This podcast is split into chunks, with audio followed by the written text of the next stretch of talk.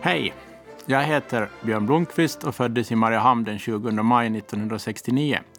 Vilket alltså är på pricken 52 år sedan idag när detta spelas in. Det här sommarpratet kommer att handla om mina år på Rederi AB Eckerö. Av de senaste 52 åren har jag varit anställd 24 år i bolaget. Och sedan den 1 april 2004 har jag varit koncernchef i Eckerö-koncernen. 52 år tycker jag personligen är alldeles för ung ålder för att börja skriva memoarer. Och det tänker jag nu inte göra heller. Men jag är en rätt nostalgisk person. I alla fall säger min fru det. Och hon brukar ha rätt. När något gäller min person, ja då har hon alltid rätt. Med stigande ålder händer det allt oftare att jag ibland stannar upp och tittar bakåt. Och då märker jag hur mycket i mitt liv som handlat om just Eckerö. Lite konstigt är det, för mitt Eckerö-intresse började relativt sent i livet. När jag började jobba på Eckerölinjen var det den andra gången jag var ombord på just Eckerölinjen. Som Mariehamnare hade det dittills varit röda båtar som gällt. Och visst hade jag en farbror och kusiner som bodde i Böle när jag var liten och som vi besökte ibland. Och det är klart att jag hade besökt Kärringsundsbyn. Men antagligen hade jag sett Kärringsund lika mycket i Saltkråkan-filmen Tjorven och Mysak som i verkliga livet och jag kände inte direkt att jag hade någon relation till kommunen där man pratade en dialekt som lät farligt mycket som rikssvenska. Men saker och ting skulle förändras. Den 6 juni 1988 anmälde jag mig i den lilla infoburen ombord på MS Eckerö. Telegrafisten skickade mig till mässen där jag sedan väntade på att lagermästaren skulle dyka upp. Föga anade jag där jag satt och väntade att jag 33 år senare skulle vara anställd av samma bolag. Det blev en sommar på MS Eckerö, följt av sex somrar på Ålands hav och en vinter på Finska viken, på Pappenburgarna, Roslagen och Alandia. På vintrarna studerade jag i Helsingfors och somrarna tillbringades till stor del på Eckerölinjen. Grundschemat var dubbelt så mycket jobbdagar som lediga dagar, ungefär enligt schemat 8-4. Och då jag behövde pengar till studiemånaderna så tog jag gärna de extra dagar som erbjöds. Sommar hemma på Åland blev alltså väldigt långt synonymt med sommar på Eckerölinjen. Och min bekantskap med landskapsväg nummer ett inleddes. När man gick på ledigt gällde det att komma in till stan så fort som möjligt. Om man hann ut och ta en öl i sommarnatten kändes det som om man fick en extra ledig dag. Den knappa lediga tiden måste utnyttjas maximalt. Och ibland måste man ju också in till stan för att träffa någon som var på besök på Åland bara den kvällen. Det blev hur som helst mycket körande på huvudväg 1. Mestadels i en bil som verkligen inte skulle få några lovord i dagens krocktexter. Men tack och lov kom jag undan med bara en enda rådjursolycka.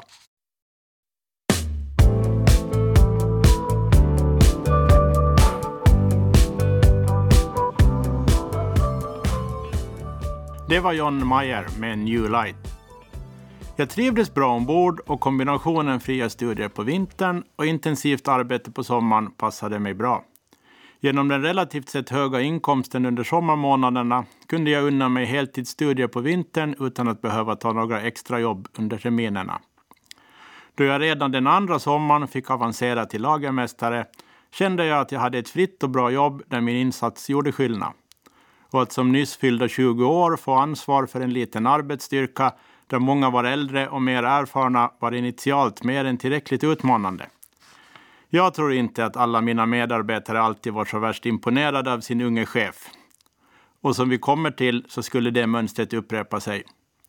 Men jag lyckades i alla fall se till att jag inte åkte på stryk och då tiden brukar slipa av de flesta vassa kanter i minnet så tror jag faktiskt att många av mina dåtida arbetskamrater minns mig som en hyfsat kompetent lagermästare.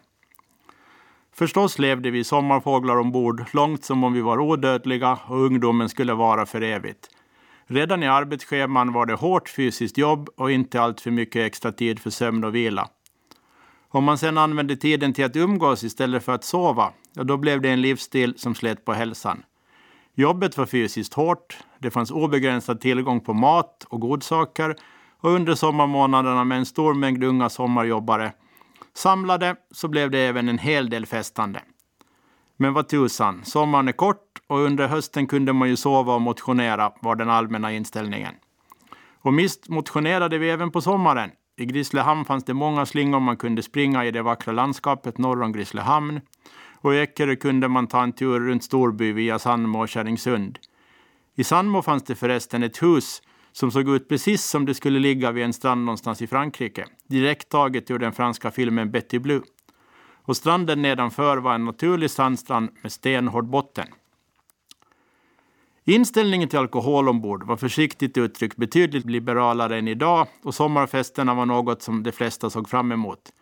Jag minns ännu idag hur jag uppskattade 70-tals coverbandet Highway Stars och deras versioner av bland annat Sten och Stanleys Jag vill vara din Margareta, Björn Skifs Hukten och Feeling, Harpos Movie Star och så förstås Sm Smokies Living Next Door to Alice. Jag led visst av en viss släng av nostalgia redan som 20-åring.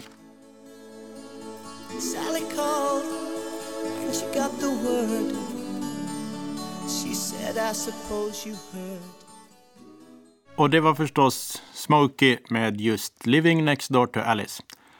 Jag planerade aldrig för någon fortsatt karriär inom bolaget efter mina studier. Jobbet ombord handlade om försörjning.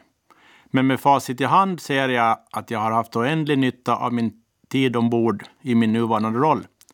Visst kan man läsa sig till saker och visst kan chefen praktisera ute i linjen.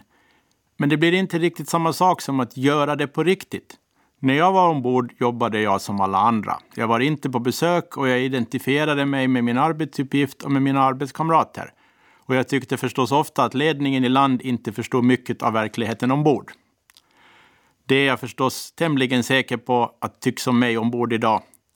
Riktigt allt förändras inte här i världen. En stor förändring sedan min tid ombord är att dagens arbete med livsstilsfrågor har en helt annan dignitet. Idag är inställningen till alkohol ombord en annan och motion och hälsosam kosthållning har ett annat fokus. Jag hoppas även att vi lyckats ändra den psykosociala miljön i en bättre riktning.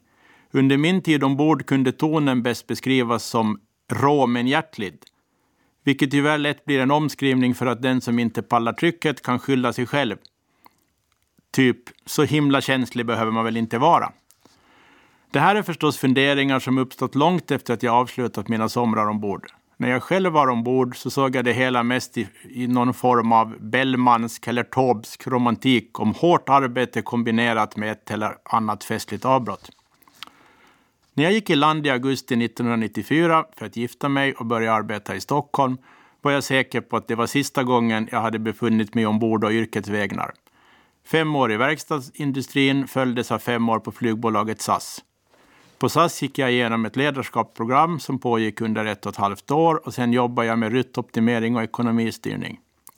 När jag började på SAS tyckte jag att jag hade funnit min plats i livet. Den första tiden var lite som en smekmånad.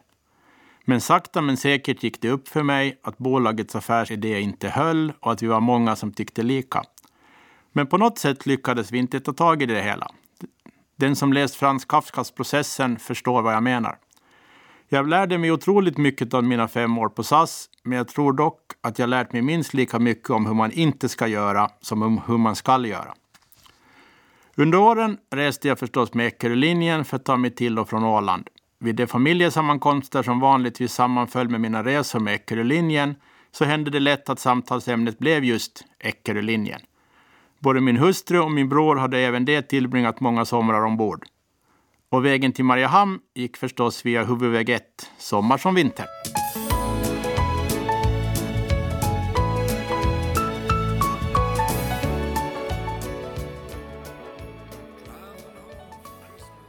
Det var Chris Rea med Driving Home for Christmas och du lyssnar till Sommarprat i Ålands Radio och jag som sommarpratar idag heter Björn Blomqvist.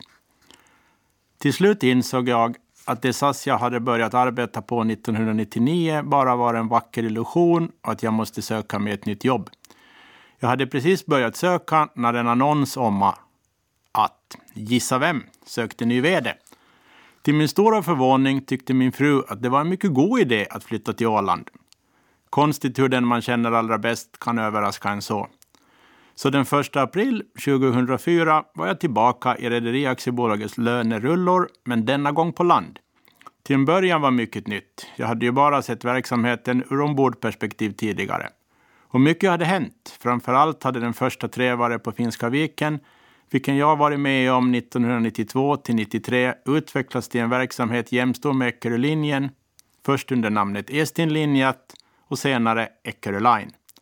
De frågeställningar som haft så enkla svar vid familjemiddagarna visade sig ofta ha lite mer komplicerade svar nu när det var på riktigt. Den koncern jag fått ansvaret för att leda bestod av så mycket mer än bara Eckerölinjen och Eckerö Line. Eller koncern och koncern. I början av 2000-talet var inte koncernstrukturen så tydlig och styrelsen som rekryterat mig hade säkert tänkt sig en mjukstart. Jag började också med att gå parallellt med Eckerölinjens avgående VD under en dryg månad. Jag skulle ta över i samband med bolagsstämman var det tänkt. Dagen före bolagsstämman meddelade dock Eckerö Lines VD att han ämnade avgå för att börja jobba för värsta konkurrenten Tallink. Och så blev det med den mjukstarten. Jag fick direkt efter bolagsstämmokryssningen ge mig iväg till Helsingfors för att ta över den operativa ledningen även för Eckerö Line. Att den lokala vd gick till värsta konkurrenten var ju lite speciellt och jag försökte informera så mycket och så snabbt som möjligt. Det ledde för övrigt till mitt livs första helikoptertur. På det sättet kunde jag vara på plats i både Helsingfors, Tallinn och ombord på fartyget inom loppet av några timmar. Sommaren 2004 tillbringade jag till stor del i min gamla studiestad Helsingfors. Och det fanns plötsligt tusen skäl att försöka damma av finska kunskaperna.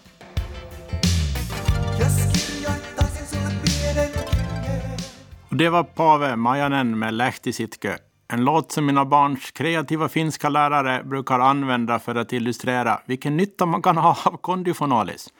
Undrar om Pave Majanen tänkte på det när han skrev den låten. 2004 till 2006 handlade mycket om att försöka strukturera upp en tämligen vildvuxen företagsgrupp. Åter var jag i situationen att vara en ung chef som många äldre och mer erfarna personer tyckte att borde ha fått stå på tillväxt några år ännu. I bästa fall vill säga. Det som tyckte jag var ett helt hopplöst fall var nog inte fåtaliga. En allmän åsikt både inom och utom företaget var att if it ain't broken, don't fix it. Man såg inte problemet, liksom. Eller man såg problemet, och problemet var jag. Men jag stretade på med ungdomlig entusiasm, övertygad om att vi var på rätt väg. Idag kan det hända att jag funderar på hur jag vågade och orkade. Och allt jag gjorde och sa det var förstås inte helt genomtänkt. Och säkert sårade jag en och annan person som hade förtjänat en bättre behandling. Frågan är dock om slutresultatet skulle ha varit bättre om jag varit mer erfaren eller försiktigare. Mot slutet av 2006 var koncernstrukturen enklare och vi hade kommit långt mot en struktur med centrala staber som sköter alla backoffice-funktioner, det vill säga i princip det som inte möter kunden och kommersiellt operativa bolag som hanterade produktutveckling, marknadsföring och försäljning. Och jag började hoppas att kaoset låg bakom oss. En sak hade dock seglat upp som en mycket stor och överhängande fråga. Vad göra med Birka Line-innehavet? Sedan 1990-talets början fanns ett korsägande mellan Rederiaktiebolaget Eckerö och Birka Line ABP. I korsägandets början fanns initiativ om intensivare samarbeten och gemensamma projekt. Estinlinjat var ursprungligen ett sådant samprojekt som Birka senare lämnade. Men de aktiviteterna ledde egentligen ingenstans och 2006 var samarbetet mycket litet. Birka Line hade beslutat sig inte bara för att satsa på ett dyrbart nybygge i Birka Paradise utan också för att utvidga verksamheten genom att behålla det gamla fartyget Birka Princess. Det här slutade tyvärr väldigt olyckligt och Birka Princess måste säljas i början av 2006 och även efter denna försäljning var kryssningsverksamheten kraftigt olönsam. Så vad göra? Eckerö ägde cirka 40 procent i Birka som ägde cirka 20 procent i Eckerö. Birkas verksamhet bestod av två delar, en olönsam kryssningsverksamhet och en lönsam råroverksamhet. Och inom Eckerö tyckte vi trots stor styrelserepresentation att vi inte fick gehör för våra idéer om vad som borde göras. Alternativen såg ut att vara två. Sälja allt eller köpa allt. Vi hade ingen köpare till hands och funderade förstås också på vad som skulle hända med Birkas 20 innehav i Eckerö om en konkurrent köpte Birka. Så vi beslöt oss för att köpa ut Birka Line från börsen. Hur svårt kunde det vara? Vi ägde ju redan 40 procent, bolaget var kraftigt olönsamt och vi erbjöd ett rejält premium över börskursen. I början av mars 2007 offentliggjorde vi vårt bud och sen blåste det upp till storm. Ja, full orkan faktiskt.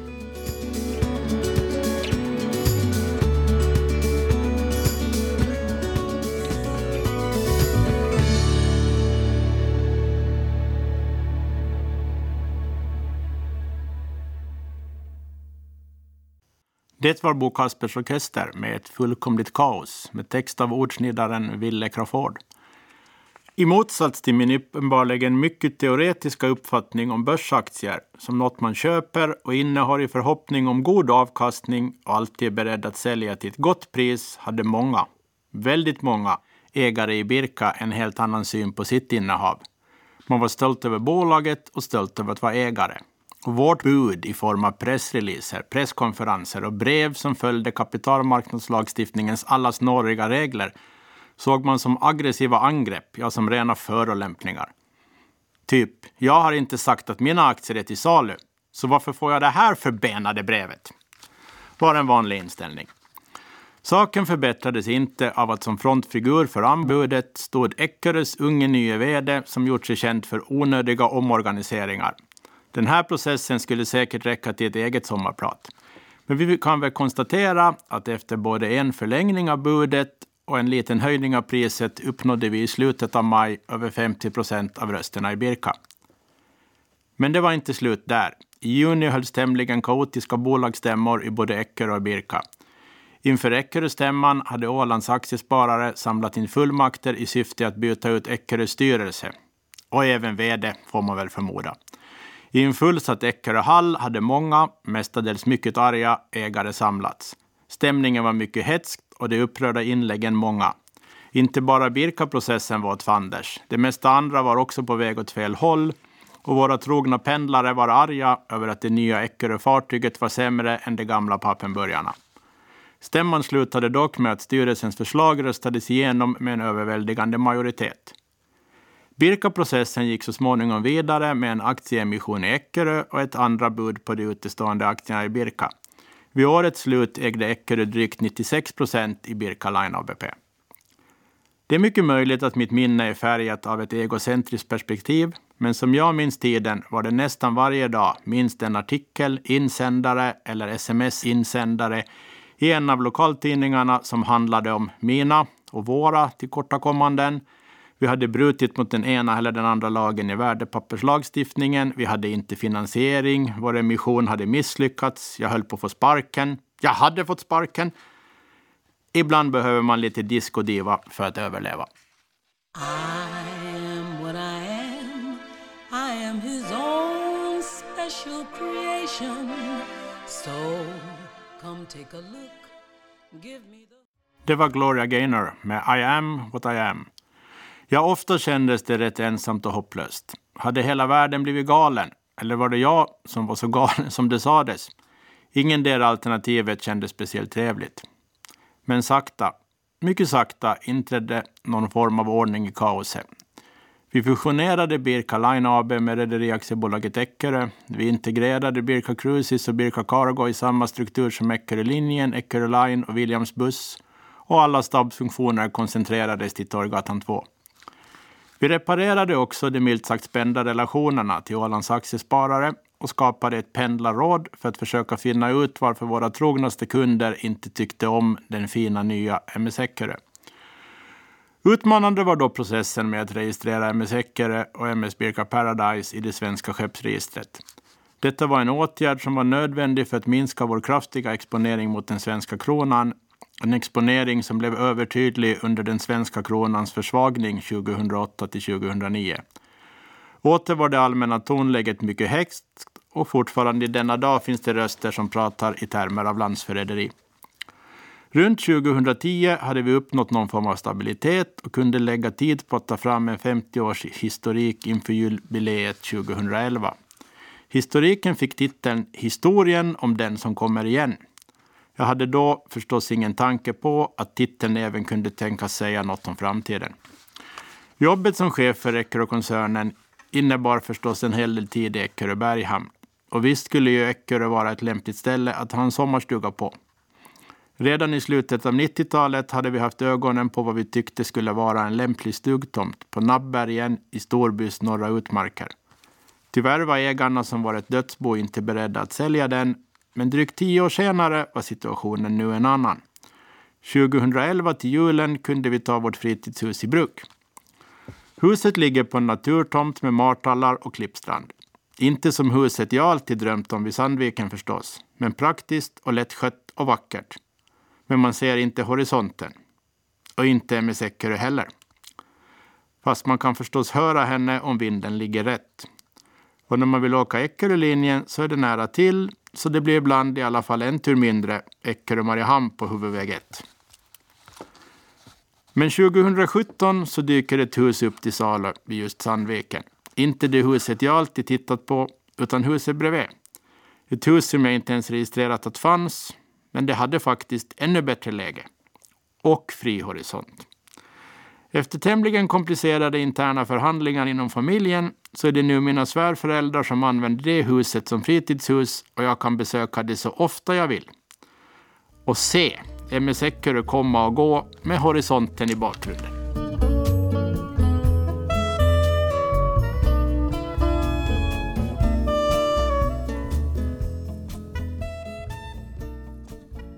Det var Lisa Ekdahl med Bortom det blå. Och du lyssnar till Sommarprat i Ålands Radio och jag som sommarpratar idag heter Björn Blomqvist. Av mina fem år på SAS gick det som sagt en stor del åt i ett ledarskapsprogram. I det programmet ägnar vi mycket tid åt att fundera på vad en bra ledare är. Vi träffade föreläsare och inspiratörer, vi funderade i grupp och på egen hand. Vi ägnade så mycket tid åt saken att jag blev milt sagt lite trött på ämnet och försiktigt sagt mycket skeptisk till konsulter och enkla lösningar. Vi lärde oss en massa så kallade sanningar, exempelvis om skillnaden mellan ledarskap och chefskap. Det var mycket aktuellt vid millennieskiftet. Det sades inte alltid rent ut, men helt klart var det underförstått att ledarskap var det bättre alternativet. Under mina 17 år, ja det börjar faktiskt bli så länge, på det här jobbet har jag haft många orsaker att fundera på dessa frågor. En skrämmande vinkling är ju att ställa sig frågan, är jag en bra VD? Och vad svarar man på det? Ja! Ja, det verkar ju vara ett lite förmätet svar. Nej! Ja, då är ju följdfrågan, varför avgår du inte då? Så det är en svår fråga. Det enda svar jag kan leva med, att det är någon annan som får svara på den frågan. Kollegorna och i sista hand styrelsen. Och allt jag kan göra är att försöka förkovra mig och bli bättre när tillfälle ges. Några försiktiga egna idéer har jag dock i ämnet. Jag tror att ledarskap, om det nu är det vi ska kalla det, är ett hantverk. Ju mer man övar, desto bättre blir man och man måste anpassa sig till materialet och situationen. Jag tror också att olika tidsperspektiv kräver olika metoder. Är det allvar och kris så får man lov att peka med hela handen. Fast det är sällan en bra metod om man vill uppnå långsiktig förändring. Väldigt många personer vill ha tydliga svar och instruktioner och det är förstås ofta befogade önskningar. Men det är inte alltid det som får människor att växa. Uttrycket ”det måste vara tillåtet att göra fel” är på många sätt rätt, men kanske mer komplicerat att hantera än alla tänker på. Det innebär för mig att om man gör fel så måste man acceptera att få det påpekat, försöka förstå kritiken och försöka göra bättre nästa gång. Uttrycket ”det måste vara tillåtet att göra fel” får inte betyda att vilket obetänksamt beteende som helst är tillåtet och accepterat. Men nu är det nog bäst att jag slutar med denna övning innan jag själv börjar låta som det inspirationsföreläsare som jag har så svårt att fördra. Jag kan dock inte låta bli att släppa ifrån mig en visdom till. Det skadar inte att vara lite skeptisk, även till sin egen visdom. Den store Tage Danielsson sammanfattar det elegant i sitt bevingade uttryck. Utan tvivel är man inte riktigt klok. Och något ligger det också i det populära påståendet att frågorna kan vara nog så viktiga som svaren.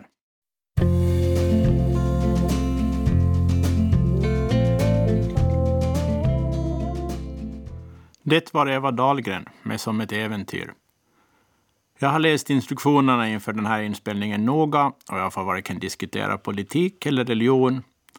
Men jag kanske ändå vågar undslippa mig att sången vi nyss hörde är det närmaste jag kommit något som uttrycker hur jag i alla fall tror att jag ser på min existens här på jorden. Eva Dahlgren påstås ha tackat nej till att skriva ett rekviem till Svenska kyrkan eftersom hon sade sig inte tro på Gud. Sången vi nyss hörde får väl anses bevisa att också ateister kan ha en andlig sida. Men det var kanske inte direkt för att diskutera meningen med livet som jag blev inbjuden att prata i radio. Tillbaks till verkligheten. Som högste chef i en organisation får man vara med om en massa skojiga saker. Det är invigningar, fester, middagar och roligast av allt att se medarbetare som lyckas.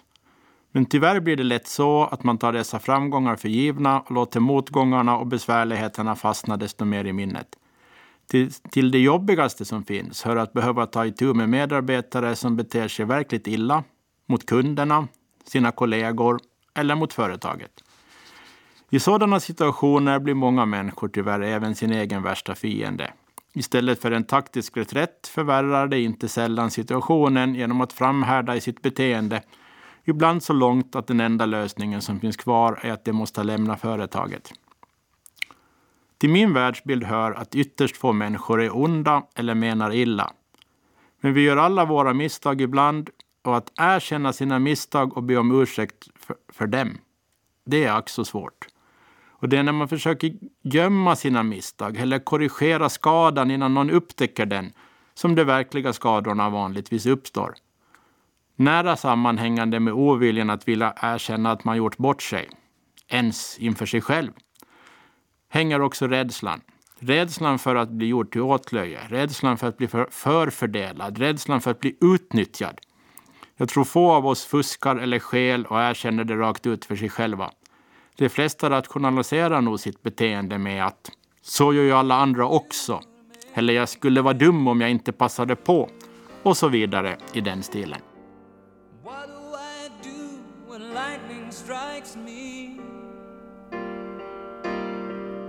And awake to find that you're not there Det var Elton John med Sorry seems to be the hardest word. Åren gick och småningom försvann de turbulenta åren med Birkaköp och omflaggningar i minnets förmildrande töcken. Vi ersatte 2013 våra två fartyg MS Nordlandia från 1981 och MS Translandia från 76 med Finlandia som byggts 2001 i Sydkorea och som vi köpte från Italien. Då gick vi från två fartyg, en mer traditionell norra Östersjön passagerarfärja och ett ropaxfartyg till en snabbfärja av samma typ som våra två konkurrenter satte in cirka fem år tidigare. Detta var på alla sätt en lyckad investering. En liten utmaning förde den dock med sig. I årtionden redan hade helsingforsarna irriterat sig över den lastbils och långtradartrafik som hamnarna i centrum för med sig. Frakthamnen i Nordsjö som öppnade 2008 skulle lösa det problemet, hade de lokala politikerna lovat. Men när hamnen planerades kunde man inte föreställa sig den enorma tillväxten i både landet i sig och i handeln. Och inte heller Estlandstrafikens tillväxt. Så i vissa kretsar ansåg man att vi flyttade gods från Nordsjö till centrum i, i och med vår övergång från två fartyg till ett. Och frakttrafiken mellan Estland och Finland bara växte. Vi började alltså återleta efter ett fartyg som skulle kunna trafikera Nordsjö, huvudsakligen för fraktens behov. I maj 2019 kunde vi så köpa ett fartyg som vi döpte till Fimbo Cargo. Hon är byggd 2000 i Spanien. Nu kunde vi ta del av den växande frakttrafiken och samtidigt bidra till att flytta en del av lastbilarna och långtradarna bort från Helsingfors centrum. Vi satte genast fartyget i trafik mellan frakthamnarna Nordsjö på Helsingforssidan och Moga på Tallinnsidan. Under tiden slutfördes planeringsjobbet för anpassning till is och andra klimatförhållanden i Finska viken. Allt såg nu bra ut inför 2020. År 2020 började också med bra bokningslägen och på Eckerölinjen slogs passagerarrekord i både januari och februari.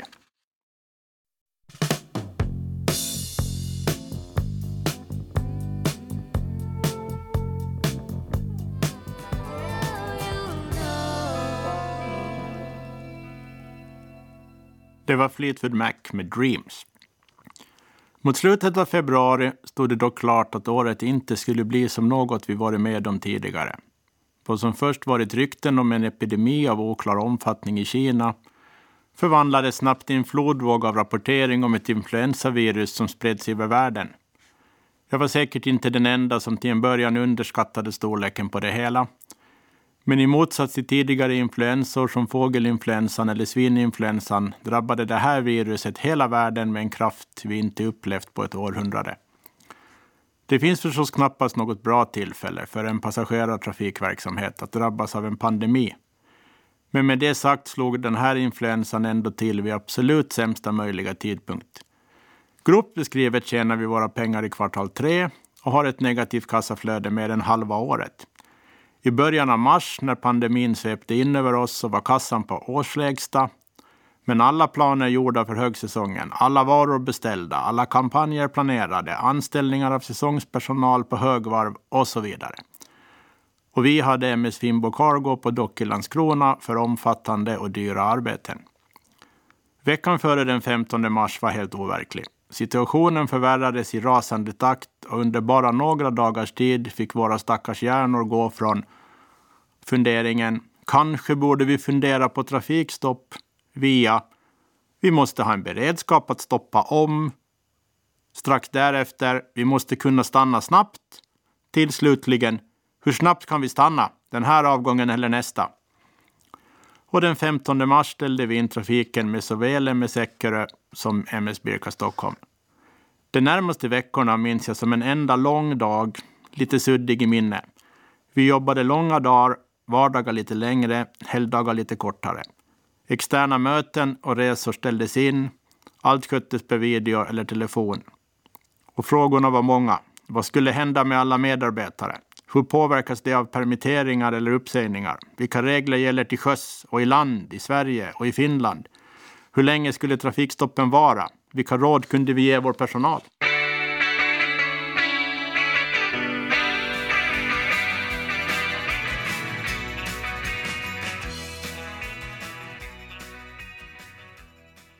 Det var Pretenders med Back on the Chain Gang och du lyssnar till Sommarprat i Ålands Radio och jag som sommarpratar idag heter Björn Blomqvist. Vi hade kallat till bolagsstämma den 7 april men den fick vi ställa in på grund av covid-restriktionerna. Under april och maj fortsatte jobbet med en rad parallella frågor om smittspridning, finansiering, olika bidrag, planering för hur och när man skulle kunna starta upp verksamheten på de två fartyg som låg upplagda flytta över proviant till Finnbo och Finlandia som var i trafik och så vidare. Vår koncernstruktur, som jag alltid tyckt var så enkel, visade sig ha en komplicerande faktor. Alla funktioner var långt uppbyggda enligt huvudtanken att alla bolag var helägda och att det ju i sista hand alltid är moderbolaget som bestämmer. Rapporteringen kunde alltså till vissa delar vänta till månadsboksluten och ibland kunde vissa mellanhavanden stämmas av, kanske så sällan som kvartalsvis. Vilket bolag ägde exempelvis provianten som flyttades från de upplagda fartygen till det som var i trafik?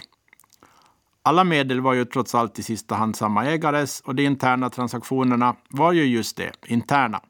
Men nu skulle vi plötsligt i realtid veta exakt hur det var ställt i varje bolag eller filial. Hur det gick i varje land eller inom varje område. Allt för att kunna söka det stöd som var tillgängliga eller visa för exempelvis de myndigheter som ansvarar för att övervaka researrangörsverksamheter eller för betalningsförmedlare som Klarna att alla våra olika bolag var solventa vid alla tillpunkter. Som ofta i kriser uppvisade alla sin bästa sida och inga klagomål hördes. Arbetsbördan var enorm och situationen fruktansvärd. Plötsligt var alla mål, prognoser och budgetar irrelevanta och det handlade bara om att rädda vad som räddas kunde. Hur länge skulle den magra kassan räcka? Hur kunde vi låna mer pengar? Kunde vi alls få låna några mera pengar? Vilka offentliga stödformer fanns tillgängliga? Fanns det alls några stödformer tillgängliga? Vilka projekt gick att stoppa? Vilka betalningar gick att skjuta upp? Allt handlade om kassan.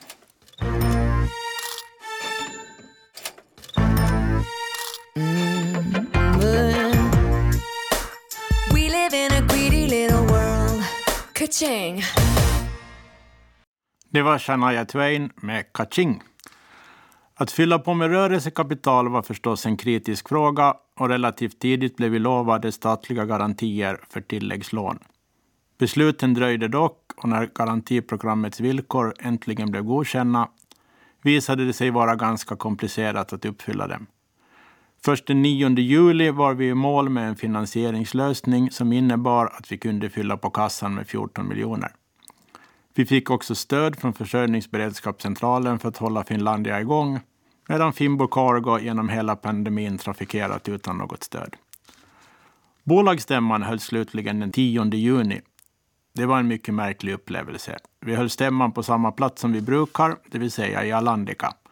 Men på grund av myndigheternas rekommendationer och restriktioner så var det inför en så gott som tom sal. En dryg tredjedel av aktierna var ändå representerade via fullmakter. Stämman filmades och streamades och gick att följa via vår webbsida. I princip har allt med pandemin varit jobbigt. Det är svårt att hitta något gott att säga om den. Det som sticker ut som allra jobbigast är alla förlorade arbetsplatser. Vi kallade till samarbetsförhandlingar och MBL-förhandlingar genast i mars och har i princip haft pågående förhandlingar sedan dess. Personalstyrkan har permanent minskats med cirka en tredjedel, från ungefär 1200 till 800. Och det som är kvar har även det alla på något sätt varit berörda av permitteringar. Även i denna dag när detta spelas in är många permitterade. Personal och löneavdelningen har jobbat med förhandlings och korttidspermitteringsfrågor kontinuerligt i över ett år. Systemen skiljer sig mellan länderna. I Finland är permitteringssystemet sådant att den permitterade får sin utkomst från arbetslöshetsstödsystemet, medan det i Sverige infördes ett specialsystem i ilfart, korttidspermittering med tillhörande statligt stöd. MS Eckerö kunde vi starta upp igen den 26 juni men den 3 juli var vi tvungna att berätta att vi inte längre såg någon möjlighet att starta upp Birka Cruises verksamhet på nytt. Beslutet om Birka var förstås tungt att både fatta och kommunicera. Mottagandet var dock förvånansvärt lugnt, kanske för att många inblandade redan hade börjat känna på sig vart det lutade. Under hela våren och försommaren var arbetsbelastningen hög och oron för företagets överlevnad alltid närvarande. För mig blev det som ett filter eller ett skydd mot smärtan över alla som måste lämna oss. När adrenalinhalten var hög och tröttheten överväldigande fanns det inte så mycket energi kvar att fundera på hur det kände sig som blev av med jobbet. När vi hade fått vår tilläggsfinansiering, beslutat och kommunicerat om nedläggningen av Birka Cruises, fått igång trafiken med MS Eckerö igen, då uppstod dock en lite lugnare period i månadsskiftet juli-augusti blev det till och med möjligt att ha några arbetsfria dagar. Och det var då som det så småningom började gå att även känslomässigt ta in vilka beslut vi hade varit tvungna att fatta och hur det påverkat våra kollegor. Fortfarande denna dag har jag nog inte helt tagit det till mig. I come from down in the valley where mister when you're young they bring you up to do like your daddy done. Det var Bruce Springsteen med The River. Idag har vi levt med pandemi och mer eller mindre akut kris i över ett år. Det är svårt att inte fastna i Springsteens frågeställning som vi nyss hörde. Är en dröm en lögn om den inte förverkligas?